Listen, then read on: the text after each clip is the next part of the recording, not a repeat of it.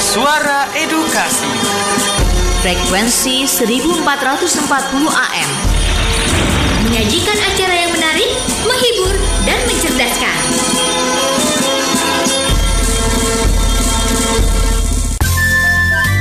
Waktu berputar dan perjalanan peristiwa pun berjalan. Ikuti terus info edukasi, sebuah informasi pendidikan dari Radio Edukasi. Info Edukasi, informasi pendidikan Radio Edukasi. Langsung dari Jalan Raya Marta di Nata Ciputat 1440 AM. Suara edukasi, lengkap dan mencerdaskan.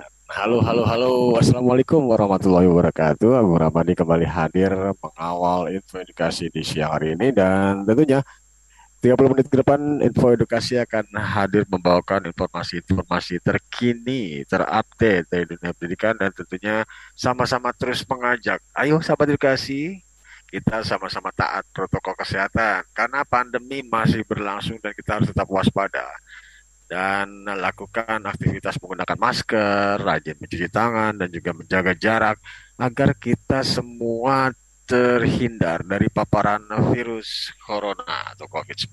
Baik, info edukasi kita akan langsung saja simak. Langsung saja kita bacakan informasi yang pertama. Info edu. Informasi pertama terkait uh, webinar inspiratif Goes to V Factor Indonesia 2021.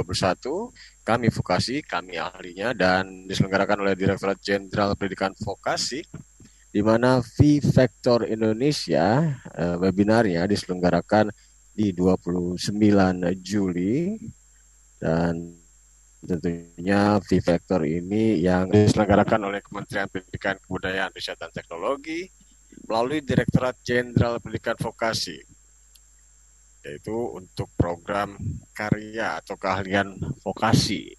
Di tahun 2021 V Factor hadir sebagai perwujudan ruang ekspresi ruang fasilitasi dan ruang apresiasi bagi mahasiswa di perguruan tinggi vokasi seperti politeknik, institut, sekolah vokasi, sekolah tinggi, akademi, akademi komunitas yang inovatif dan kreatif.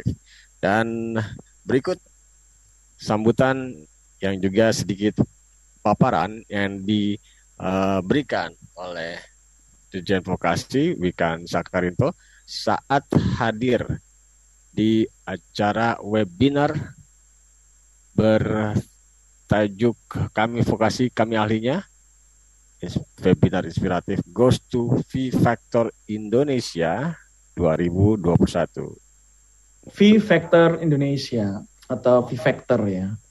E, kita awali dulu dari saya itu kan kita harus mengelola 17.000 lembaga kursus pelatihan, 14.000 SMK, dan 2000 kampus vokasi. Jutaan mahasiswa dan siswa vokasi. Nah, yang berikutnya kita juga punya tantangan branding pendidikan vokasi itu kan perlu di leverage. Ya kan?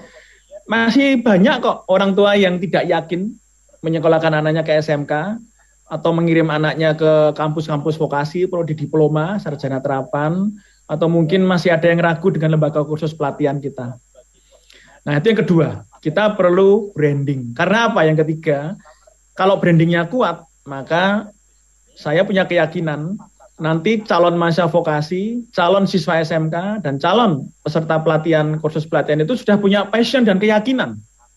Enggak kepeksa gitu, enggak terpaksa masuk vokasi karena enggak terima di S1. Itu mirip saya, masuk D3 karena gagal masuk S1. Itu dulu ya, stres banget, enggak niat kok. Uh, Kemudian eh, itu yang ketiga. Nah yang keempat, kalau ya kalau eh, nanti eh, raw material vokasinya makin bagus, kemudian link and match dengan industri makin banyak, yang yakin ya industri kan harus yakin sama vokasi. Yang kita ajak nikah link and match ya, menikah terjadi pernikahan massal dalam tanda kutip ya. Nah, itu nanti akan menciptakan satu uh, situasi menghasilkan lulusan yang hebat bagi bangsa ini, Mbak. Jadi saya ingin menciptakan lulusan vokasi yang sudah yakin, passion, komitmen belajar mandiri, belajar mandiri sepanjang masa, mencintai bidang ilmunya, mencintai bidang kerjanya, lulus akan terus mau belajar terus berkembang sepanjang masa dan Indonesia akan semakin maju karena produktivitas naik, pertumbuhan ekonomi akan naik. dan lulusan vokasi sejahtera. Nah, saya mau kembali ke yang branding dulu. Berarti kan branding itu sebagai input proses output dan outcome ya. Input proses output dan outcome. Kalau inputnya bagus, prosesnya link and match bagus, outputnya bagus, outcome-nya kan Indonesia akan eh, apa leapfrog-nya akan tinggi. Nah, untuk memperkuat input, maka kita perlu meyakinkan masyarakat. Nah, gimana caranya? Maka pendidikan vokasi harus punya reputasi yang meyakinkan kuat dan positif ke seluruh lapisan masyarakat. Reputasi itu kata kuncinya. Reputasi adalah fungsi perkalian Mbak Tisa. Reputasi sama dengan prestasi kali komunikasi. Reputasi sama dengan prestasi kali komunikasi. Kalau reputasi bagus, maka trust atau kepercayaan masyarakat tinggi ke vokasi, orang tua juga yakin anaknya masuk vokasi. Nah, maka kita perlu gali prestasi-prestasi prestasi-prestasi talent-talent seperti Betari Cinta untuk di bidang musik ya, di bidang musik dan performance. Ada yang prestasi di bidang menciptakan alat-alat robot, ada prestasi di bidang menciptakan eh, apa namanya eh, produk-produk kuliner, ada prestasi di bidang menciptakan eh, produk-produk fashion dan sebagainya. Itu kan prestasi vokasional. Kali apa tadi? Komunikasi. Nah, ini komunikasinya. Komunikasinya kalau kalau hanya dengan ngundang wartawan, foto, ngeliput itu sudah betul nggak apa-apa. Tapi kita kan pengen kreatif lagi. Kita pengen masuk ke seluruh lapisan masyarakat yang sekarang sudah dijangkiti medsos dengan sangat luar biasa. Apalagi pandemi ini kan semakin kita kan nggak bisa lepas dari medsos dan di situlah platform yang ingin kita ciptakan TikTok dan sebagainya. Nah kita pengen bikin semacam show gitu Mbak bisa. Show yang berupa komunikasi tadi itu dikalikan reputasi eh, prestasi, kita bikin show sebuah V factor atau vokasi faktor itu mirip X factor itu sebenarnya V factor gitu ya. Saya memikirkan apa ya X factor ya, X factornya vokasi apa itu ya V factor gitu. Vocational factor Indonesia, tapi cara menyajikannya itu jangan kaku-kaku. Harus dengan frekuensi yang milenial. Harus ada unsur performance yang meskipun dia bikin robot ya harus ada unsur performance-nya. Meskipun dia jago masak, harus ada unsur entertainment-nya. Ikan Sakarinto, Direktur Pendidikan Vokasi, dan tentunya ini hal yang sangat menarik terkait V-Vector ini, di mana program unjuk uh, karya atau kompetensi ini dinamakan dengan hal-hal yang ber, uh, bernada milenial kompetensi vokasi atau V-Vector Indonesia merupakan pewujudan dari ruang inkubasi, ruang ekspresi, ruang fasilitasi, dan ruang apresiasi bagi peserta didik vokasi yang inovatif dan kreatif, serta dunia pendidikan vokasi. Tentunya ini untuk membalik stigma masyarakat tentang pendidikan vokasi, serta mendorong percepatan lahirnya tenaga-tenaga terampil dan ahli di bidangnya yang siap menghadapi era revolusi industri 4.0. Suara Edukasi akan kembali dengan informasi lainnya. Tetap di Suara Edukasi, akrab dan mencerdaskan.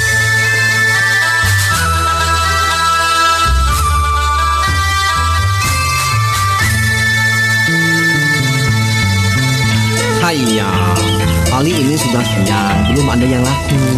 Bagaimana ini? Permisi kok, kok Amir ya. Iya, ini susu dan kembaliannya empat ribu rupiah. Eh, kok kok kembaliannya lebih seribu? Ini kok Amir kembalikan. Iya, makasih. Kejujuran adalah sikap tidak mendustai dirinya sendiri. Bila mana kejujuran mendiami jiwa kita, maka kita akan memegang teguh mana yang hak dan mana yang bukan hak. Dengan kejujuran, kita akan menjadi manusia yang seutuhnya.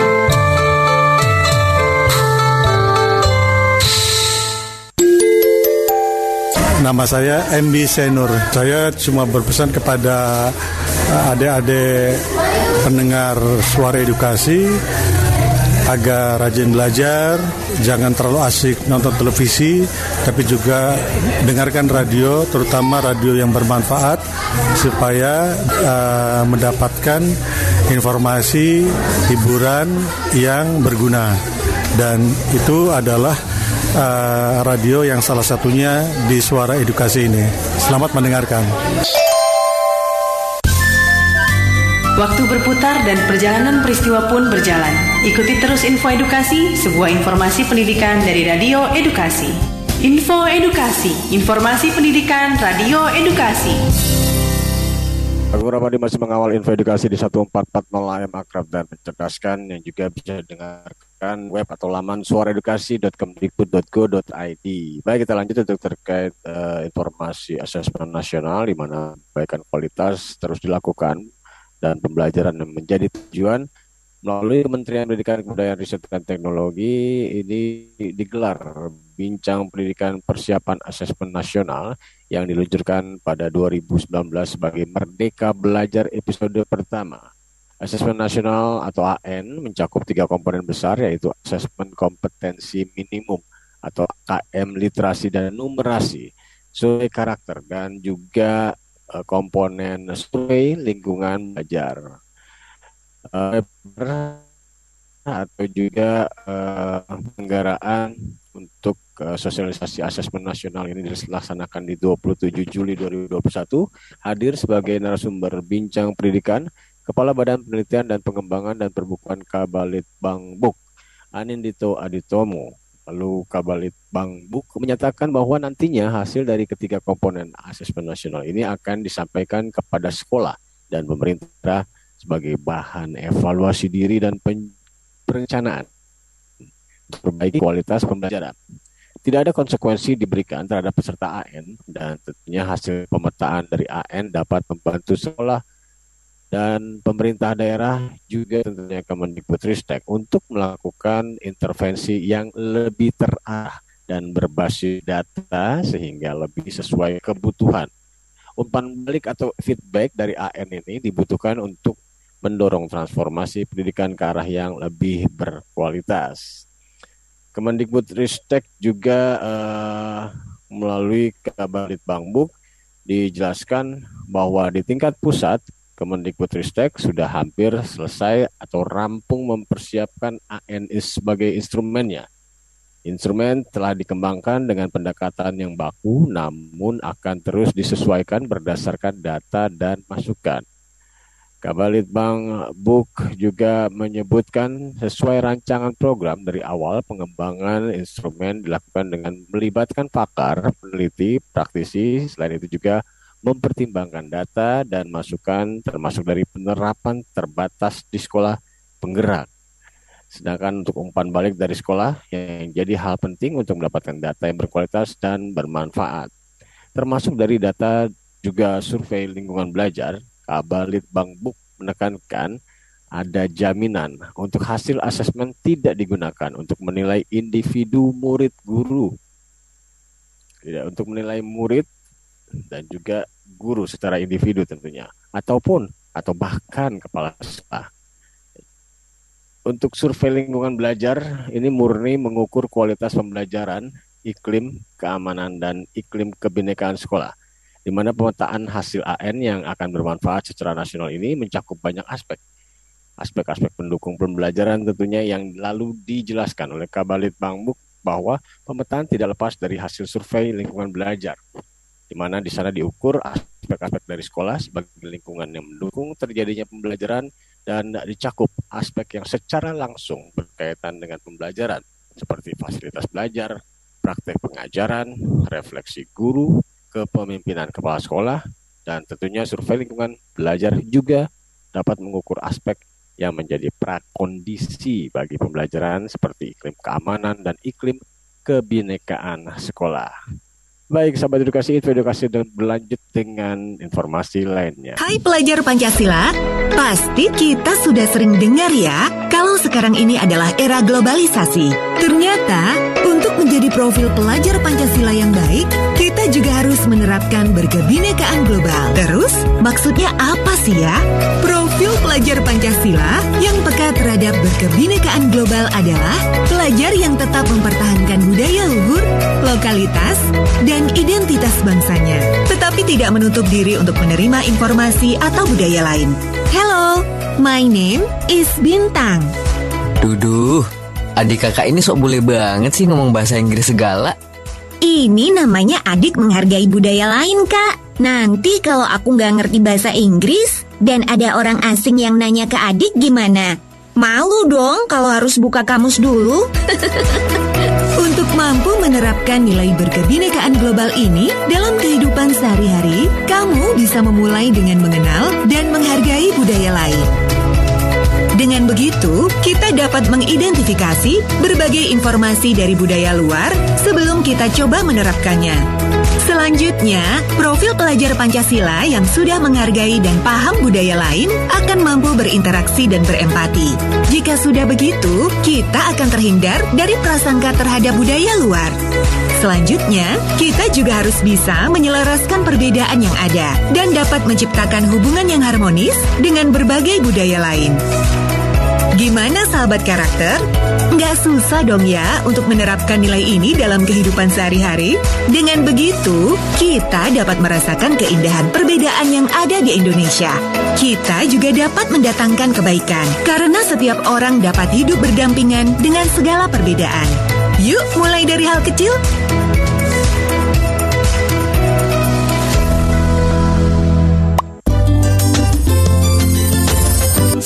Sering-sering cuci tangan. Gunakan sabun. Pakai masker. Menutup hidung mulut. Jangan lupa jaga jarak. Saat ketemu orang. Makan yang bergizi. Jaga kesehatan. Anak Indonesia Anak Jangan kendor, jaga kesehatan.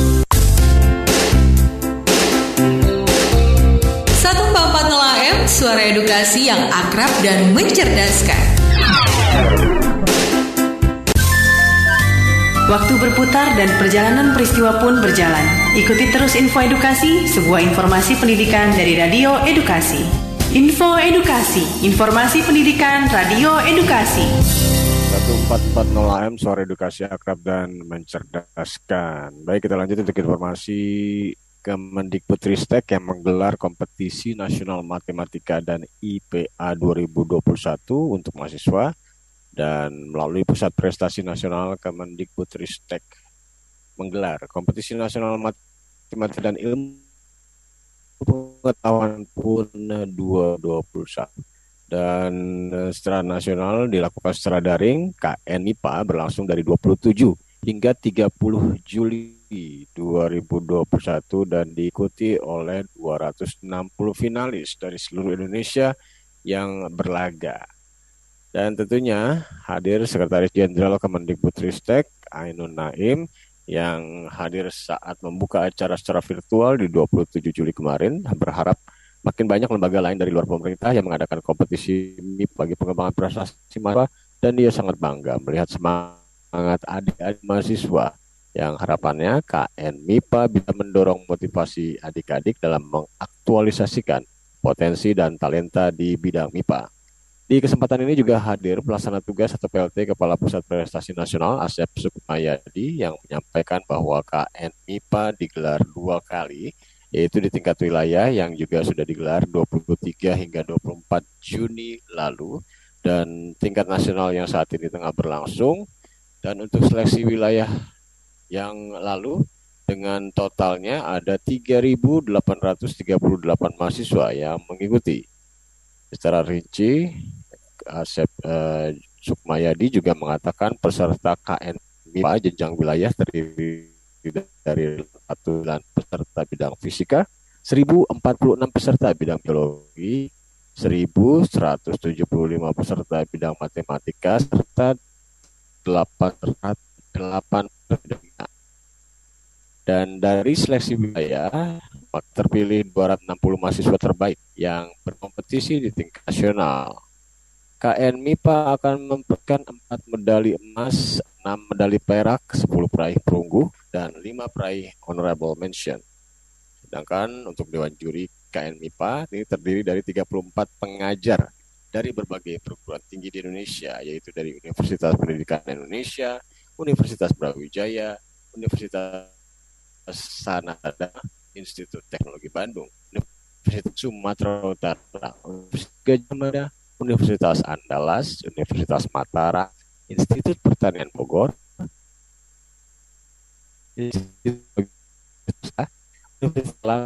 Universitas Indonesia, Universitas dan Universitas Tanjung Pura.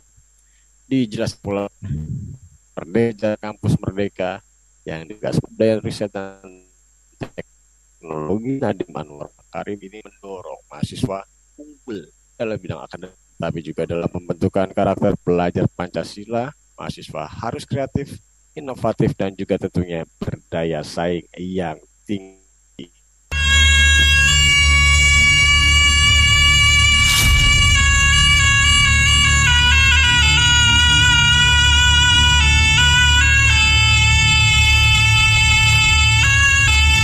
Bismillahirrahmanirrahim. Assalamualaikum warahmatullahi wabarakatuh. Kami mewakili Gubernur Aceh Bapak Insinyur Haji Nova Iriansah MT Mengucapkan bahwa pemerintah Aceh sangat mendukung penyelenggaraan kegiatan Kita Harus Belajar atau disebut dengan Ki Hajar tahun 2021 oleh Pusdatin Kementerian Pendidikan dan Kebudayaan. Ini sejalan dengan program unggulan Aceh Carong yang tertuang di dalam visi misi Aceh Hebat sebagai prioritas kami pada periode 2017-2022. Program Aceh Carong fokus pada upaya penciptaan generasi muda Aceh yang unggul, berprestasi, dan berkarakter melalui pendidikan berkualitas, termasuk memanfaatkan teknologi dalam proses pembelajaran untuk meningkatkan kompetensi bagi siswa dan guru di dalam menghadapi tantangan di masa depan. Ki Hajar 2021 sangat sesuai dengan Aceh Carong. Kegiatan ini memberikan ruang eksplorasi bagi siswa untuk memiliki keterampilan berpikir kritis, kreatif, kolaboratif, mampu berkomunikasi dalam proses pembelajaran sebagai wujud implementasi Merdeka Belajar. Kami mengajak semua siswa di Aceh untuk mengikuti Ki Hajar 2021. Merdeka Belajar, wujudkan generasi Ki Hajar berkarakter dan kompetitif. Assalamualaikum warahmatullahi wabarakatuh. Ayo bersama Ki Hajar Kita harus belajar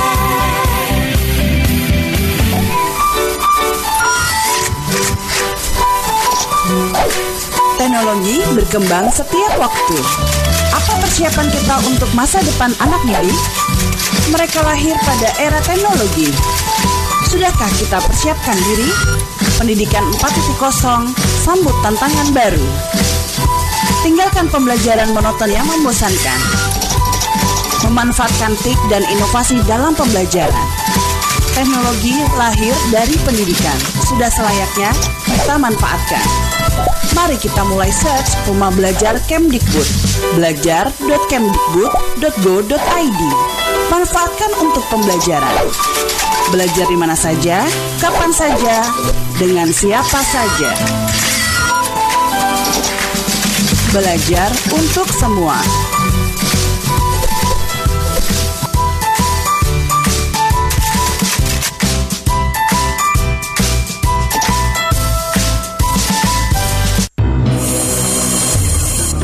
Suara Edukasi.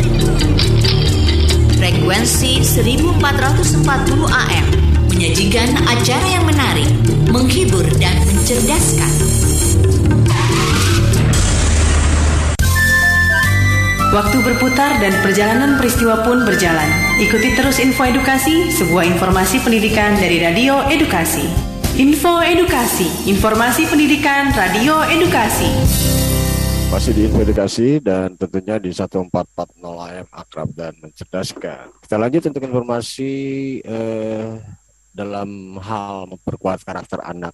Kemendikbudristek eh, mengadakan aktivitas dongeng dan tentunya ini sejalan dengan perkembangan teknologi saat ini kebiasaan membacakan cerita atau mendongeng kepada anak sering kali ditinggalkan. Padahal mendongeng dapat menjadi salah satu cara menyenangkan, cara-cara yang tentunya membuat uh, anak kita jadi senang, gembira, mendapatkan pengalaman baik, baru, dan tentunya untuk mendukung tumbuh kembang anak, terutama dalam menstimulasi keterampilan bahasa dan beberapa jenis kecerdasan majemuknya, diperkuat uh, aktivitas mendongeng maka perlu diperkuat. Dan uh, di panggung Anak Indonesia Merdeka, penasehat Dharma Wanita satu Kemdikbudristek, Frank Makarim hadir berkesempatan mendongeng untuk anak-anak. Dan ia membawa cerita anak karangan Odelia Agustin tajuk aku suka caramu. Dan Indonesia maka diajak oleh eh, uh, Ibu Franka Makarim kita meyakinkan kita akan melewati tantangan pandemi ini serta harus selalu diingat kesehatan dan keselamatan anak-anak semua adalah yang paling utama. Dalam menyemarakan Hari Anak Nasional di bulan ini, tahun ini juga tentunya Direktur Pembelajaran Guru dan Tenaga Pendidikan Pendidikan Anak Usia Dini Santi Amba Rukmi menyampaikan pula bahwa Direktorat GTK PAUD Kemendikbudristek mengadakan beragam hiburan untuk anak. Salah satunya adalah webinar bertajuk Gebiar Dongeng Acara yang menghadirkan komunitas pendongeng dan pegiat pendidikan anak dan tentunya diisi pula dengan hal-hal saling berbagi ilmu dan praktek baik dalam mendongeng. Dan diinformasikan pula bahwa webinar Gebiar Dongeng berlangsung dari 26 hingga 30 Juli 2021 dan kegiatan ini tidak hanya menyasar kepada pendidikan PAUD, melainkan juga orang tua dan siswa. Sebab melalui dongeng ini erat kaitannya dengan penguatan karakter yang baik pada anak dan kemampuan yang tentunya seyogyanya dimiliki oleh banyak lapisan yang ada di Indonesia.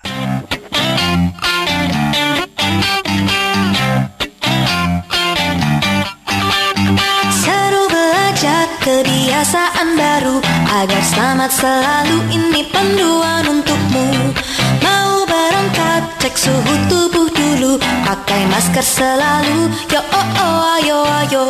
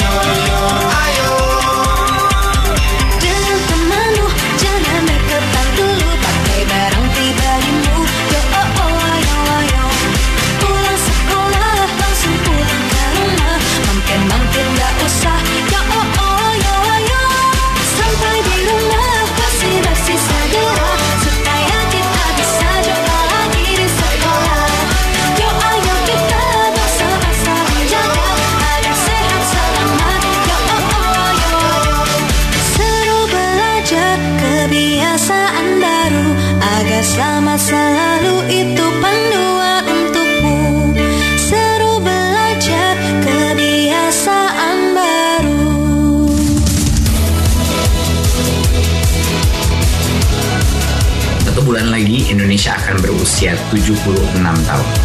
Begitu banyak tantangan yang telah dan sedang kita hadapi bersama, termasuk pandemi saat ini. Sekarang adalah momen terbaik untuk kita memperkuat kebersamaan sebagai bangsa yang kuat karena bineka.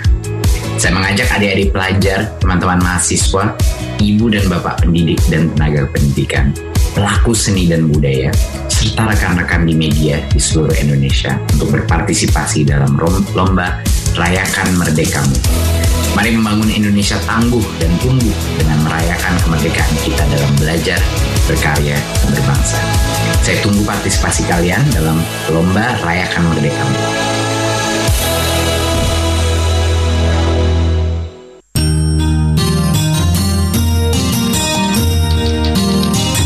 Suara Edukasi.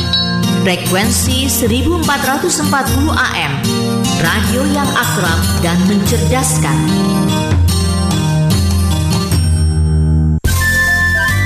Waktu berputar dan perjalanan peristiwa pun berjalan. Ikuti terus info edukasi, sebuah informasi pendidikan dari Radio Edukasi. Info edukasi, informasi pendidikan Radio Edukasi.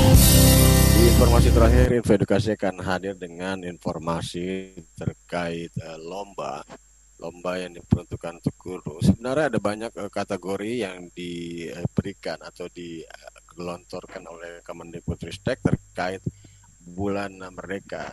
Bulan merdeka 17 Agustus akan hadir sudah di depan mata dan Kemendikbudristek mengajak pendidik membuat video kreatif rayakan merdeka bagi para guru.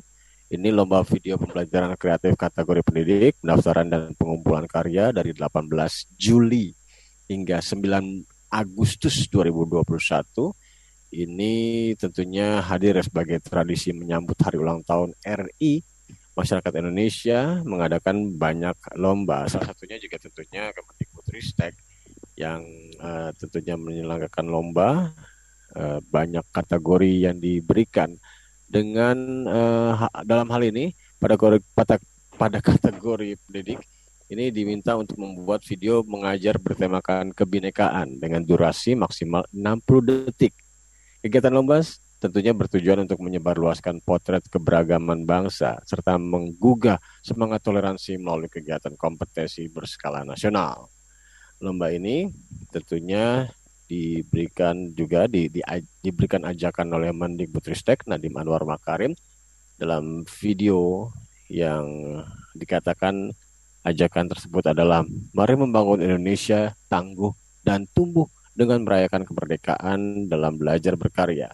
Dan untuk informasi lebih lanjut, lebih jelasnya terkait kapan uh, penyerahannya dan juga uh, kapan deadline-nya yaitu 9 Agustus dan juga bagaimana menginput uh, karya-karyanya, silakan buka uh, web atau laman rayakanmerdekamu.kemdikbud.go.id. Pemenang lomba akan menerima hadiah seperti laptop, tablet, ponsel pintar, piagam, dan hadiah hiburan dengan acara puncak yang akan direncanakan diselenggarakan di 25 Agustus 2021 tentunya menghadirkan Mendikbudristek yang akan berinteraksi langsung dengan para juara pertama untuk setiap kategorinya. Baik, sahabat edukasi, informasi tadi menutup kebersamaan kita di Info Edukasi hari ini. Setelah ini ada program lain, acara lain yang juga tentunya menarik untuk tetap disimak, untuk tetap didengarkan hanya di suara edukasi yang akrab dan mencerdaskan. Keep safe, jaga protokol kesehatan, dan ingat, jangan lupa ingat pesan ibu. Wassalamualaikum warahmatullahi wabarakatuh. Bye bye. Info.